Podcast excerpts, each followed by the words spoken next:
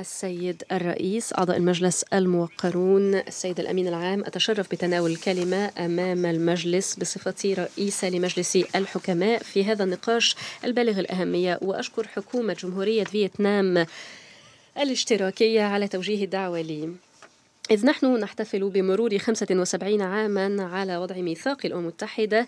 كنت أتمنى لو كان مؤسس مجلس الحكماء نيلسون مانديلا موجودا بيننا وكان له ربما أن يتحدث عن رؤيته القوية ولكن بدلا منه فقد حضرت أنا بلهجتي ولكنتي الأيرلندية وسأحاول بكل تواضع أن أكون آه، على مستوى تطلعاتكم. علينا جميعا في الواقع أن نكون على مستوى التطلعات اليوم. لقد بدأنا عاما جديدا وعقدا جديدا و يرى مجلس الحكماء أننا نواجه اليوم تهديدين أساسيين الانتشار النووي وأزمة المناخ. وعلينا أن نواجه هذين التحديين من خلال عمل متعدد الأطراف بعيدا عن الشعبوية وغيرها من الظواهر السلبية. لقد أصدر مجلس الحكماء بيانا في مطلع شهر ديسمبر وقمنا فيه بحض قادة العالم على الإقرار بفعالية العمل متعدد الأطراف والتأكد من أن أن هذا العمل هو في مصلحة الجميع والواقع أن الآليات المتفق عليها دوليا هي أفضل السبل للعمل عوضا عن استخدام الطاقة القوة الأحادية. هذا المنهج التشاركي والجماعي يكتسي أهمية قصوى لمنع الانتشار النووي ولمواجهة أزمة المناخ. نحن بحاجة إلى هذا التعاون ولا سيما لتفادي تصاعد التوترات في الشرق الأوسط. حسب فهمي فإن وزير خارجية إيران السيد جواد ظريف كان ليتناول الكلمة في هذه القاعة اليوم وكان سيتحدث عن دور الميثاق في دعم السلم والأمن الدوليين لكنه منع من ذلك بسبب التوترات بين إيران والولايات المتحدة. هذا أمر مؤسف للغاية. ففي مثل هذه اللحظات نحتاج للسماع إلى كل الأشخاص والأطراف المعنيين. إن الفصل السادس من الميثاق كما قال الأمين العام يدعو الأطراف في أي نزاع إلى الخوض في مفاوضات أو الاستعانة بأية سبل سلمية أخرى لتسوية المنازعات. وإن خطورة الوضع الحالي في الشرق الأوسط تعني أن الحوار والمفاوضات مطلوبان.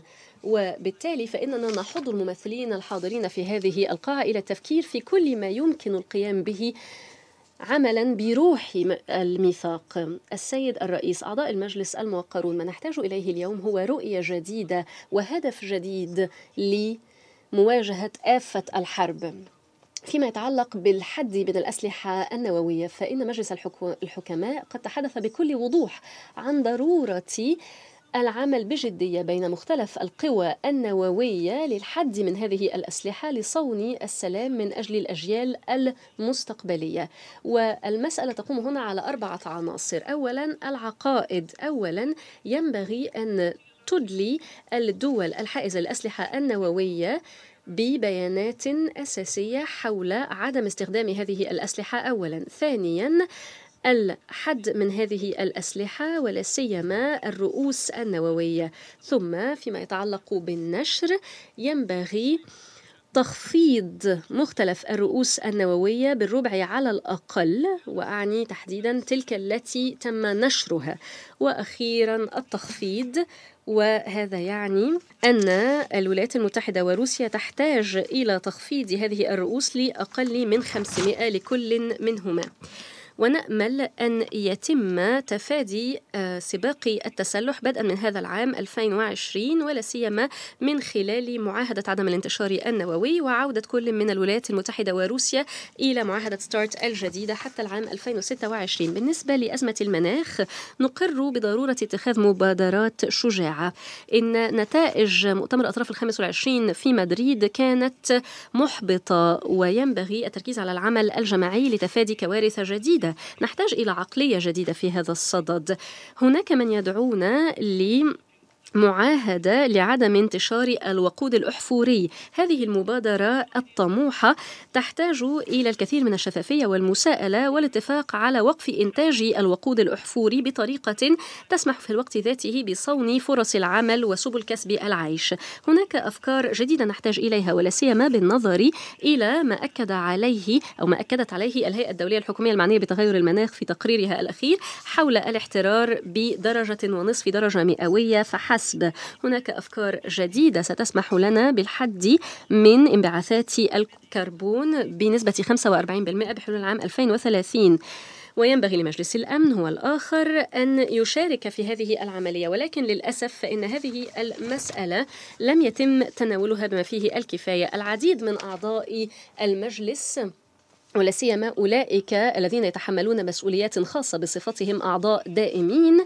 يتعاملون مع هذا المجلس بطريقة مختلفة ولا يستفيدون من عضويتهم فيه لمواجهة التحديات المشتركة هذه. السيد الرئيس أعضاء المجلس الموقرون بصفتي امرأة وبصفتي جدة أرى أن النساء يطلعن بدور بالغ الأهمية في عالمنا اليوم لحل المشاكل ولمواجهة التحديات لقد شاركت المرأة بشكل كبير في وضع خطة بيجين 25 قبل 25 عاما و قمنا بالدفاع عن مبادئ الأمم المتحدة وكانت المرأة تطلع بدور بالغ الأهمية في هذا الصدد. وأدعوكم إلى إيلاء الأولوية لبعض المشاكل التي تشهدها المرأة ومنها العنف والتمييز ضد المرأة والفتاة. وهو أمر يؤدي إلى الكثير من الآلام والعذاب. وأدعوكم إلى تنفيذ مختلف القرارات ذات الصلة في مجلس الأمن لمواجهة انعدام المساواة بين الرجل والمرأة ولا سيما من خلال القرار 1325 الذي مرت 20 سنة على صياغته. أحضكم كذلك للسماع إلى أصوات الأطفال والشباب. و الواقع أن هؤلاء قد فهموا مدى إلحاح أزمة المناخ. أولئك يعملون بتضامن ويشعرون بالمحبة تجاه الفئات الأكثر هشاشة والأكثر تأثرا بأزمات المناخ. الأطفال والشباب يدعوننا للسماع ليس لأصواتهم فحسب وإنما لصوت العلم. وينبغي أن نمتثل لهذا النداء. إن العلم بشأن أزمة المناخ قد بين ضرورة تقديم التزامات طوعية جديدة في إطار الأهداف السبعة عشر لخطة التنمية المستدامة وكذلك ضرورة الامتثال للالتزامات التي قطعناها في اتفاق باريس للمناخ. ينبغي أن نحد من انبعاثات ثاني أكسيد الكربون بشكل كبير حتى تبلغ نسبة صفرية بحلول العام 2050 ونحتاج إلى تغيير في العقليات وفي ذهنياتنا جميعا لنحد من الاحترار حتى يبلغ درجة ونصف درجة مئوية فحسب. كذلك ينبغي أن نقوم بتسعير الكربون على النحو الملائم. كل بلد ينبغي أن يأخذ في الاعتبار تقرير اللجنة العالمية المعنية بالتكيف. دعونا نتذكر الأزمات التي يواجهها العالم ولا سيما الحرائق الهائلة التي طالت أستراليا. إن الدعوة لمواجهة أزمة المناخ آه، تأتينا من هنا ومن هناك. والمجتمع المدني قد اجتمع في إطار مبادرة الناس والكوكب 2020 وسيكون هناك تجمع كبير في هذا الصدد في العشرين من يناير. إن نيلسون مانديلا قد تناول الكلمة في الثالث من أكتوبر عام 94 كرئيس لجنوب أفريقيا كان ذلك في إطار الجمعية العامة وهو قال إنه بالنظر إلى الترابط بين بلدان العالم ما نحتاج إليه هو الديمقراطية والسلام.